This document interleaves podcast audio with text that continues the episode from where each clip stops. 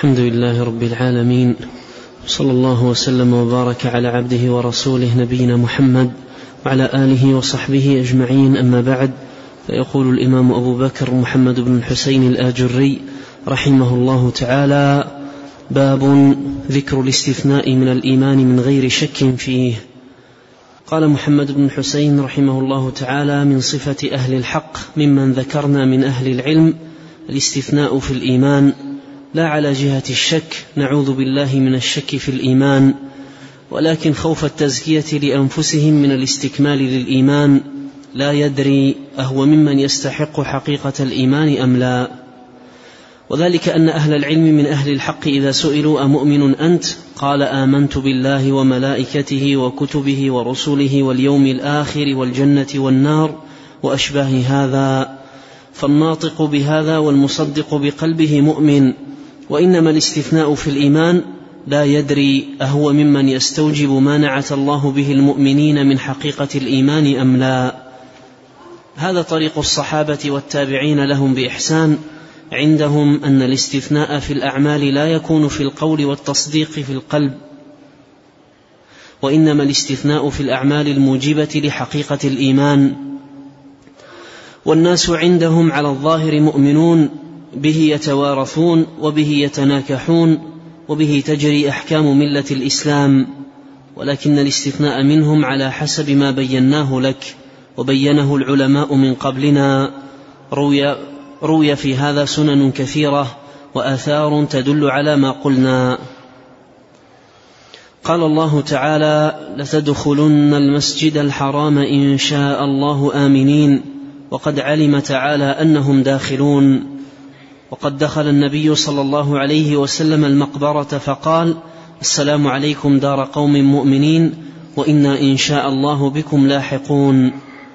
وقال صلى الله عليه وسلم إني لأرجو أن أكون أخشاكم لله تعالى.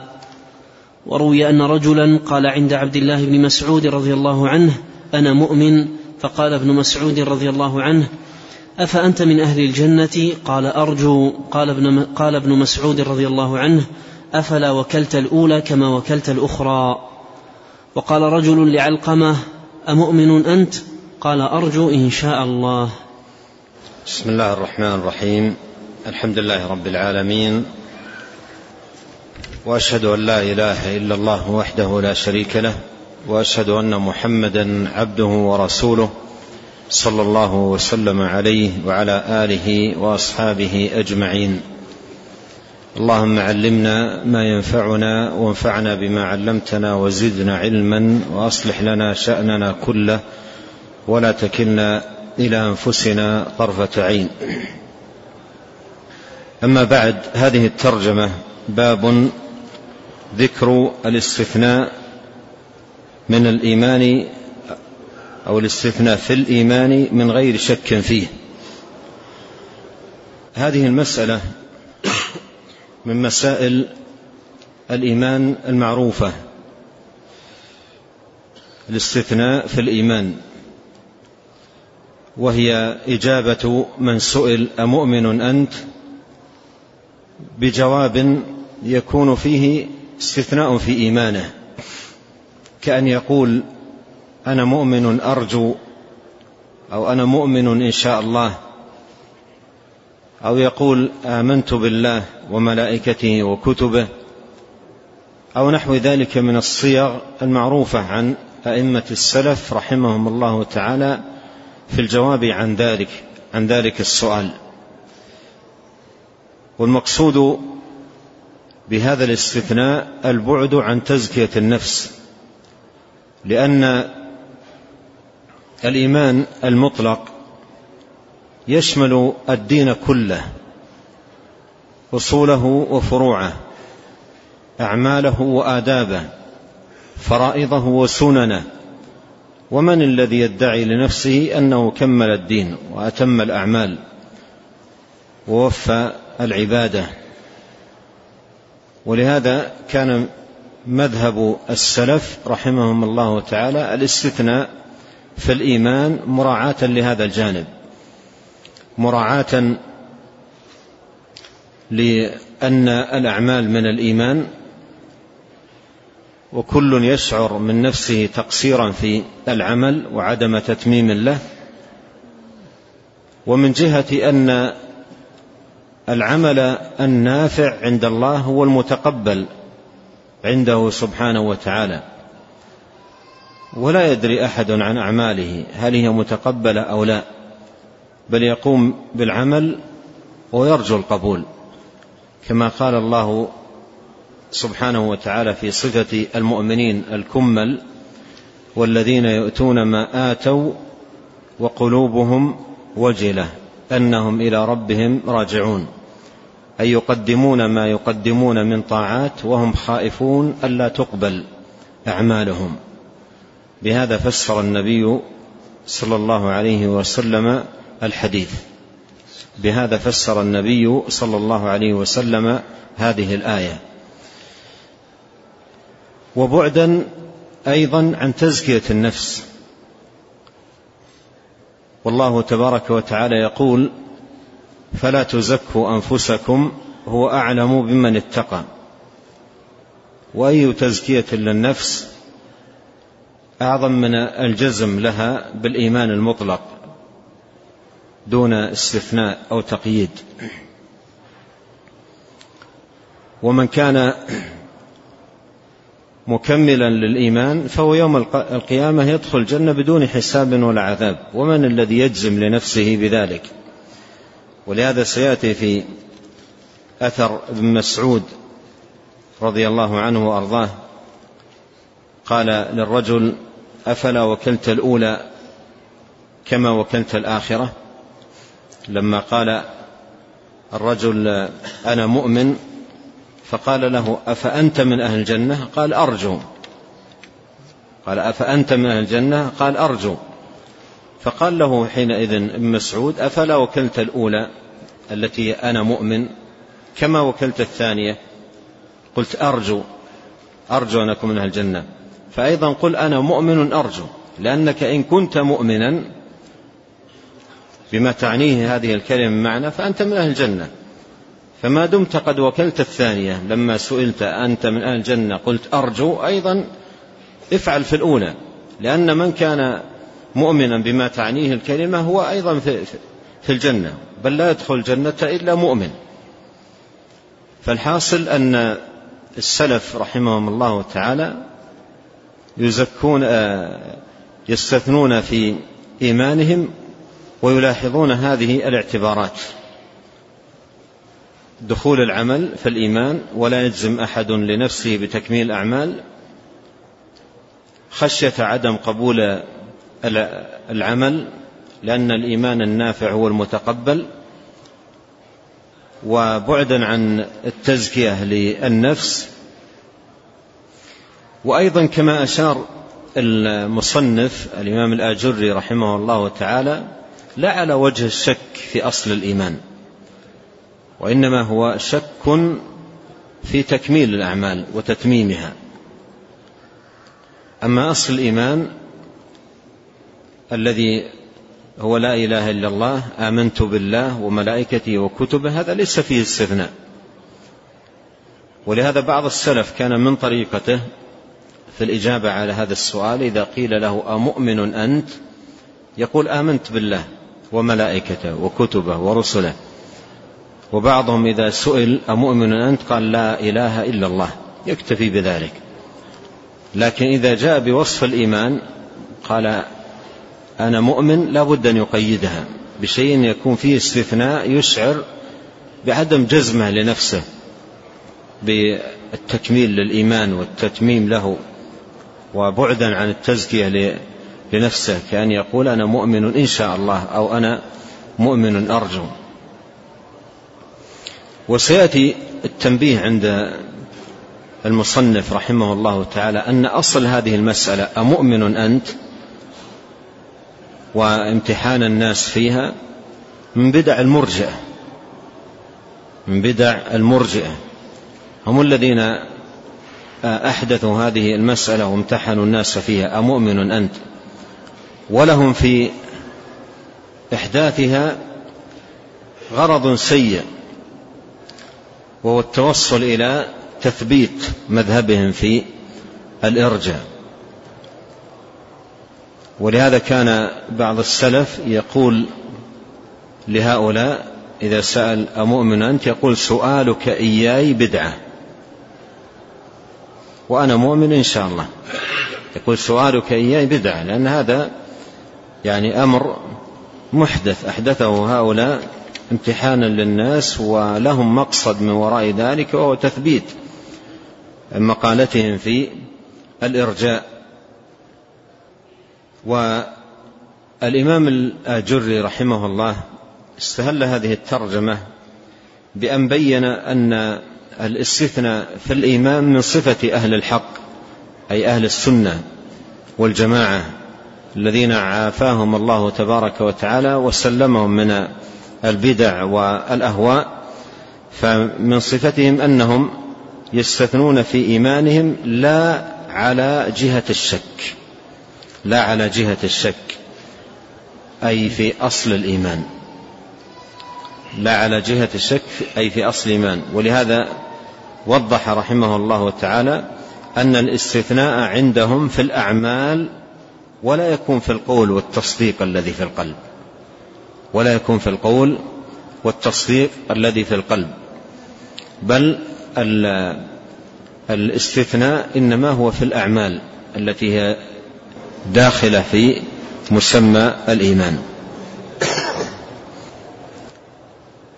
وقد أورد رحمه الله آية وحديثين. الآية قول الله تعالى لتدخلن المسجد الحرام إن شاء الله. آمنين.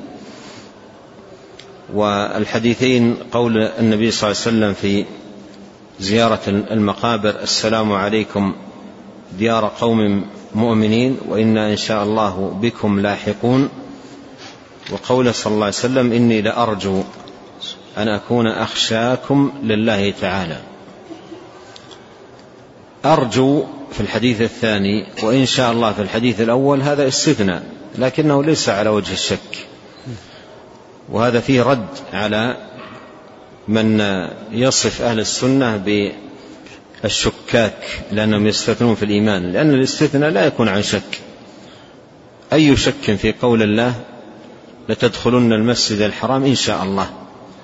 وفي قول النبي صلى الله عليه وسلم وإنا إن شاء الله بكم لاحقون وهو, وهو يعلم يقينا أن أنهم بهم لاحقون. فهذا ليس فيه آه ليس فيه شك. والحاصل أن استثناء السلف رحمهم الله تعالى ليس شكا في إيمانهم كما يصفهم به خصومهم وأعداؤهم وإنما هو شك في تكميل الأعمال وتتميمها وهل هي متقبلة أو لا وبعدا عن التزكية للنفس. نعم. قال محمد بن الحسين رحمه الله تعالى وهذا مذهب كثير من العلماء وهو مذهب أحمد بن حنبل واحتج أحمد بما ذكرنا واحتج بمسألة الملكين في القبر للمؤمن ومجاوبتهما له فيقولان له على اليقين كنت وعليه مت وعليه تبعث يوم القيامة إن شاء الله. ويقال للكافر والمنافق على شك كنت وعليه مت وعليه تبعث إن شاء الله. الشاهد من هذا الحديث الذي احتج به الإمام أحمد رحمه الله في هذه المسألة قول الملكين وعليه تبعث يوم القيامة إن شاء الله. هذا ليس على وجه الشك وعليه تبعث يوم القيامة إن شاء الله. هذا ليس على وجه الشك من الملكين. نظير ما تقدم في الآية لتدخلن المسجد الحرام إن شاء الله ونظير ما تقدم عن نبينا عليه الصلاة والسلام في زيارة القبور وإنا إن شاء الله بكم لاحقون فهذا الاستثناء يأتي في النصوص على غير وجه الشك. يأتي في النصوص على غير وجه الشك وإنما آآ آآ استثناء السلف رحمهم الله تعالى في إيمانهم لا عن شك في أصل الإيمان وإنما ملحظهم في ذلك إلى الأعمال كما تقدم في بيان المصنف رحمه الله تعالى لذلك. والأعمال أعمال الدين فرضها ونفلها كثيرة ولا تقبل إلا بالشروط ولا يجزم الإنسان بأنه تمم الأعمال وأتى بها على المستوى الذي تكون به متقبلة عند الله سبحانه وتعالى. نعم. قال رحمه الله تعالى حدثنا أبو بكر عبد الله بن محمد بن عبد الحميد الواسطي قال حدثنا أبو بكر الأثرم قال سمعت أبا عبد الله أحمد بن حنبل سئل عن الاستثناء في الإيمان ما تقول فيه فقال أما أنا فلا أعيبه. قال أبو عبد الله إذا كان يقول الإيمان قول وعمل فاستثنى مخافة واحتياطا ليس كما يقولون على الشك إنما يستثني للعمل. قال الله تعالى لتدخلن المسجد الحرام إن شاء الله آمنين هذا استثناء بغير شك. وقال صلى الله عليه وسلم إني لأرجو أن أكون أخشاكم لله تعالى قال هذا كله تقوية للاستثناء في الإيمان نعم يعني الإمام أحمد يبين هنا أن استثناء أهل السنة في إيمانهم ليس عن شك في الإيمان ليس عن شك في الإيمان. وقد دلت دلائل كثيرة أن الاستثناء يأتي ولا يكون عن شك. مثل الآية إن لتدخلن المسجد الحرام إن شاء الله. آمنين. وقد علم سبحانه أنهم داخلون. وقول النبي عليه الصلاة والسلام في المقابر إن إن شاء الله بكم لاحقون. وقد علم أنه بهم لاحق وأنهم بهم لاحقون. فالاستثناء لا يكون عن لا يلزم أن يكون عن شك. وملحظ السلف كما تقدم في استثناء في إيمانهم بالنظر إلى الأعمال أعمال الدين وهي كثيرة وأن الإنسان لا يجزم لنفسه أنه كملها وتممها. نعم. قال رحمه الله تعالى وحدثنا جعفر الصندلي قال حدثنا الفضل بن زياد قال سمعت أبا عبد الله يعجبه الاستثناء في الإيمان فقال رجل إنما الناس رجلان مؤمن وكافر. فقال أبو عبد الله فأين وآخرون مرجون لأمر الله إما يعذبهم وإما يتوب عليهم والله عليم حكيم. قال وسمعت أبا عبد الله يقول سمعت يحيى بن سعيد يقول ما أدركت أحدا إلا على الاستثناء. قال وسمعت أبا عبد الله مرة أخرى يقول سمعت يحيى يقول ما أدركت أحدا من أهل العلم ولا بلغني إلا على الاستثناء. نعم هنا آه هذا الأثر عن الإمام أحمد رحمه الله تعالى أن الاستثناء في الإيمان يعجبه و فقال له رجل إنما الناس رجلان مؤمن وكافر. إنما إنما الناس رجلان مؤمن وكافر يعني ما في وسط بينهما إما مؤمن وإما كافر. كأن هذا الرجل يقول ما الحاجة للاستثناء؟ فالناس رجلان مؤمن وكافر. فما الحاجة إذن لأن يستثني؟ إما أن يكون من أهل الإيمان أو يكون من أهل الكفر. فقال له الإمام أحمد وانظر فقه السلف رحمهم الله تعالى قال له فأين وآخرون مرجون لأمر الله إما يعذبهم وإما يتوب عليهم والله عليم حكيم. وآخرون مرجون وهم الذين خلطوا عملا صالحا وآخر سيئا.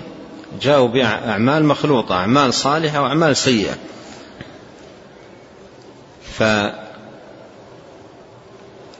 فالاستثناء في الإيمان على هذا الملحظ على هذا الملحظ أن الإنسان لا يجزم لنفسه بتكميل إيمانه وتتميم دينه.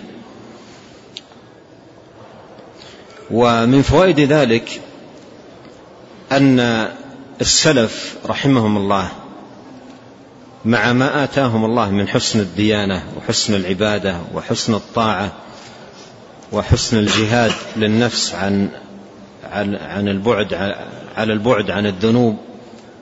ما كانوا يزكون أنفسهم. ما كانوا يزكون أنفسهم. بل يقدمون ما يقدمون من أعمال صالحة وهم في خوف شديد ألا تقبل منهم تلك الأعمال. والشأن كما قال الحسن البصري رحمه الله قال إن المؤمن جمع بين إحسان ومخافة. والمنافق جمع بين إساءة وأمن. المؤمن جمع بين إحسان ومخافة. يحسن في العمل وفي الوقت نفسه يخاف ألا يقبل. يخاف ألا يقبل.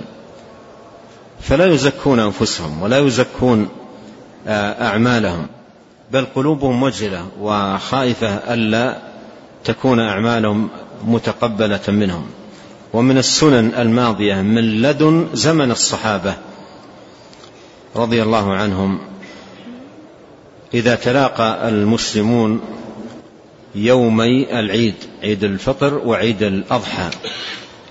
يقول بعضهم لبعض تقبل الله منا ومنكم. هذه سنة ماضية من لدن زمن الصحابة رضي الله عنهم. يقول بعضهم لبعض تقبل الله منا ومنكم. لا يجزم أحد لنفسه بأن أعماله وافية وأنها متقبلة. نعم. قال رحمه الله تعالى قال وسمعت أبا عبد الله يقول سمعت يحيى بن سعيد يقول ما أدركت أحدا إلا على الاستثناء قال وسمعت أبا عبد الله مرة أخرى يقول سمعت يحيى يقول ما أدركت أحدا من أهل العلم ولا بلغني إلا على الاستثناء قال وسمعت أبا عبد الله يقول سمعت سفيان بن عيينة إذا سئل أمؤمن أنت؟ أمؤمن أنت إن شاء الله لم يجبه. نعم. قال وسمعت أبا عبد الله يقول سمعت سفيان بن عيينة إذا سئل أمؤمن أنت؟ إن شاء لم يجبه وإن شاء قال سؤالك إياي بدعة. ولا أشك في إيماني ولا يعنف من قال إن الإيمان ينقص أو قال إن شاء الله. ليس يكرهه وليس بداخل في الشك. نعم يعني هذا الأثر عن سفيان بن عيينة كان رحمه الله تعالى إذا سئل يقول إذا سئل أمؤمن أنت؟ إن شاء لم يجب. إن شاء لم يجب هذا السائل. يعرض عن الإجابة على هذا السائل لأن آه هذا السؤال كما عرفنا أول من أحدثه المرجئة وأحدثوه لغرض في نفوسهم فإن شاء لم يجبه إن شاء أعرض عنه. وإن شاء قال له سؤالك إياي بدعة. أين في النصوص ما يدل على آه، سؤال الناس هكذا؟ من من يلقاه المرء يقول أمؤمن أنت. هذا السؤال أحدثه المرجع فإن شاء لم يجبه وإن شاء قال له سؤالك إياي بدعة. ولا أشك في إيماني. ولا أشك في إيماني. ولا يعنف من قال إن الإيمان ينقص. وكون الإيمان ينقص هذا شواهده ودلائله كثيرة في كتاب الله وسنة نبيه. صلوات الله وسلامه وبركاته عليه. ومر عند المصنف رحمه الله شيء منها. أو قال إن شاء الله. أو قال إن شاء الله. أي استثنى في إيمانه. ليس يكره وليس بداخل في الشك. نعم. قال رحمه الله تعالى وقال وسمعت أبا عبد الله يقول إذا قال أنا مؤمن إن شاء الله فليس هو شاك. قيل له إن شاء الله أليس هو شكا؟ قال معاذ الله. أليس قد قال الله تعالى لتدخلن المسجد الحرام إن شاء الله؟ وفي علمه أنهم يدخلونه وصاحب القبر إذا قيل له وعليه تبعث إن شاء الله فأي شك ها هنا؟ وقال النبي صلى الله عليه وسلم وإنا إن شاء الله بكم لاحقون. نعم وهذا الأثر عن الإمام أحمد رحمه الله تعالى لما قيل له أليس هو شكا يعني أليس قول إن شاء الله أو أنا مؤمن إن شاء الله أليس هو شكا أليس هذا من الشك؟ قال معاذ الله. وأورد ثلاث شواهد رحمه الله تعالى في أن الاستثناء لا يكون عن شك.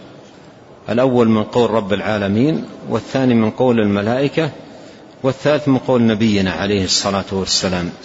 نعم.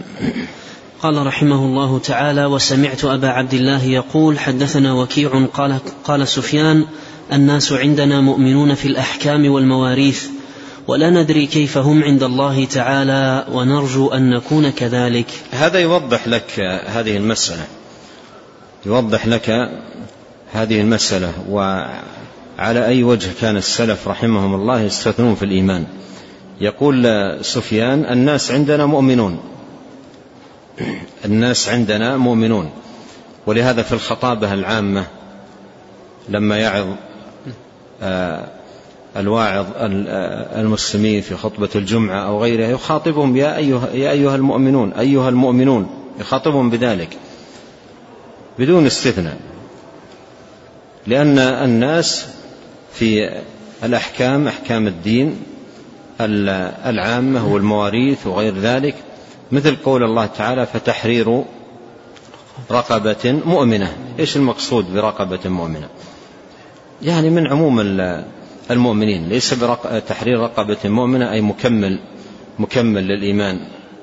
لو كان المطلوب رقبة مؤمنة أي مكمل للإيمان لأصبح الأمر متعذرا. من هذا الذي يجزم بأنه مكمل لإيمانه؟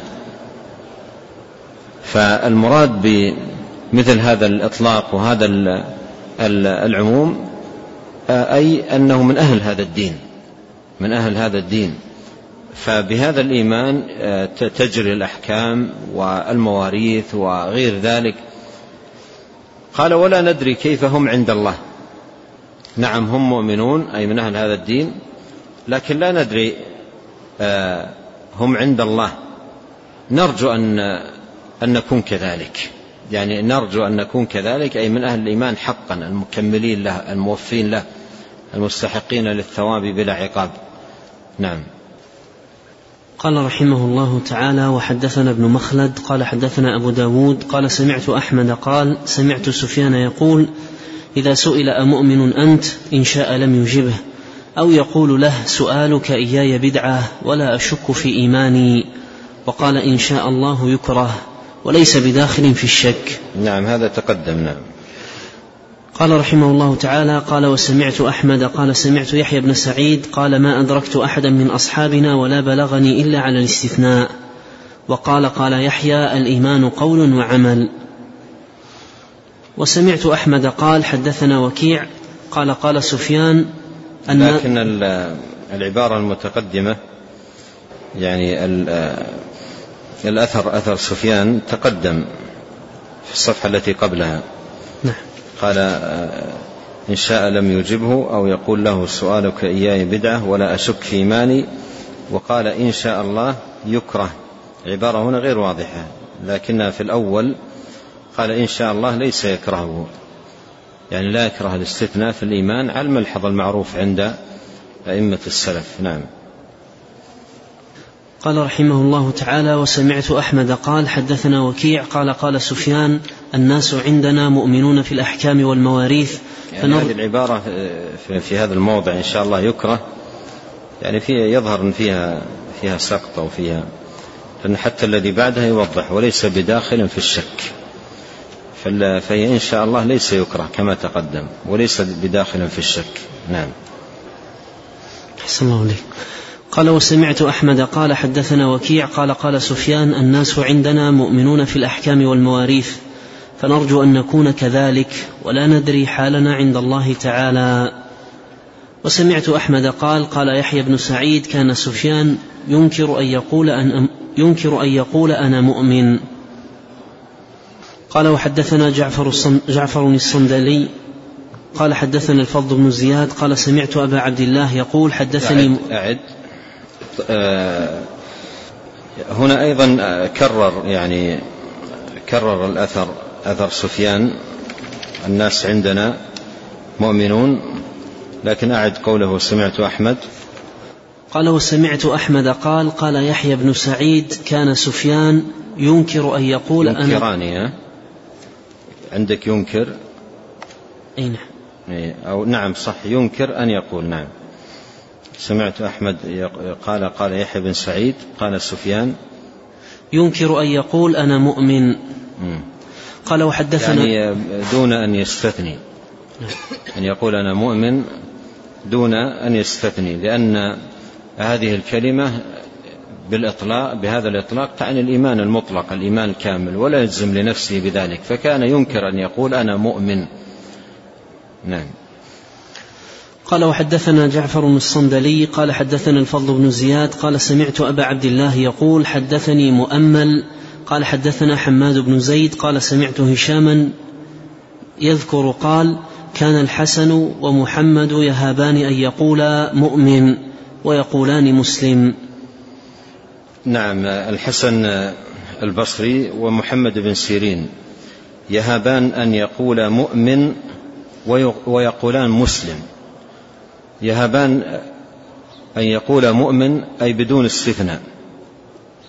وأما مسلم فلا يهابان ذلك.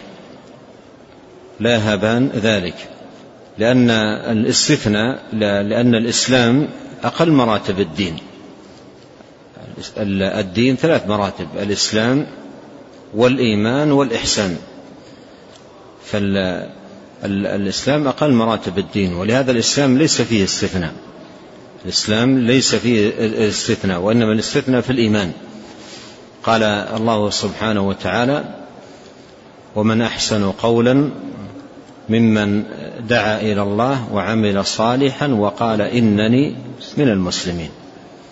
قال الله سبحانه وتعالى قالت الأعراب آمنا قل لم تؤمنوا ولكن قولوا أسلمنا. أسلمنا هذه رتبة أقل من رتبة آمنا. آمنا رتبة رتبة عالية يعني تحقق الإيمان وتمكنه. هذه رتبة عالية لا يجزم بها المرء لنفسه ولهذا يستثنى في الإيمان. هذه الآية قالت الأعراب آمنا قل لم تؤمنوا ولكن قولوا أسلمنا. تفيد أنه يستثنى في الإيمان ولا يستثنى في الإسلام ولا يستثنى في الإسلام. ولهذا كان الحسن ومحمد يهابان أن يقول مؤمن ويقولان مسلم. ويقولان مسلم أي بدون استثناء لأن الإسلام ليس فيه استثناء. نعم. قال رحمه الله تعالى وحدثنا أبو نصر محمد بن كردي قال حدثنا أبو بكر المروذي قال قيل لأبي عبد الله نقول نحن المؤمنون قال نقول نحن المسلمون. نعم يعني نحن المسلمون هذه الرتبة التي ليس وراءها إلا الكفر فيجزم المرء بها ويأتي بها بدون استثناء. أما الإيمان فهي رتبة أعلى لا يجزم بها لنفسه إلا مستثنيا لا يأتي بها إلا مستثنيا. أنا مؤمن إن شاء الله أنا مؤمن أرجو نعم. ثم قال ثم قال أبو عبد الله الصوم والصلاة والزكاة من الإيمان. قيل له فإن استثنيت في إيماني أكون شاكا؟ قال لا. قال لا أي لا تكون شاكا في إيمانك وإنما هذا شك في تكميل الأعمال وتتميمها والاتيان بها وافية. نعم. قال رحمه الله تعالى وحدثنا أبو نصر قال حدثنا أبو بكر المروذي قال حدثنا أبو عبد الله قال حدثني علي بن بحر قال سمعت جرير بن عبد الحميد يقول الإيمان قول وعمل. قال وكان الأعمش ومنصور ومغيرة وليث وعطاء وابن السائب وإسماعيل بن خالد وعمارة بن القعقاع والعلاء بن المسيب وابن شبرمة وسفيان, الثوري وأبو يحيى صاحب الحسن وحمزة الزيات يقولون نحن مؤمنون إن شاء الله ويعيبون على من لم يستثني. نعم يعني هذا الاستثناء في الإيمان سنة ماضية. عند السلف رحمهم الله تعالى وملحظهم كما تقدم البعد عن التزكية للنفس والخوف من التقصير في الأعمال. نعم.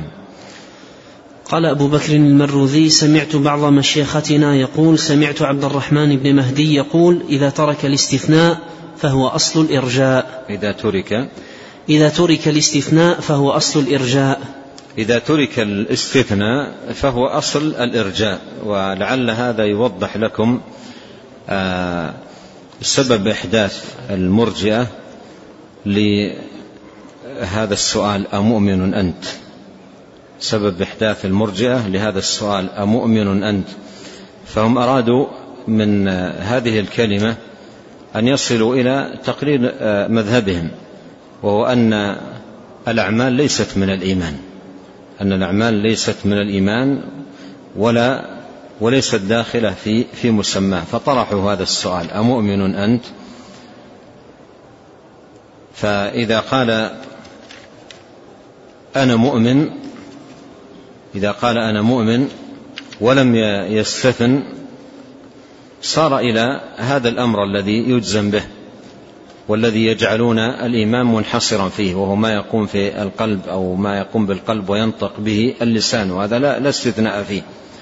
لا استثناء فيما يتعلق بعقيدة القلب أو قول اللسان ونطقه بالشهادتين وإنما الاستثناء في الأعمال خوف التقصير فيها وعدم تكميلها وتتميمها.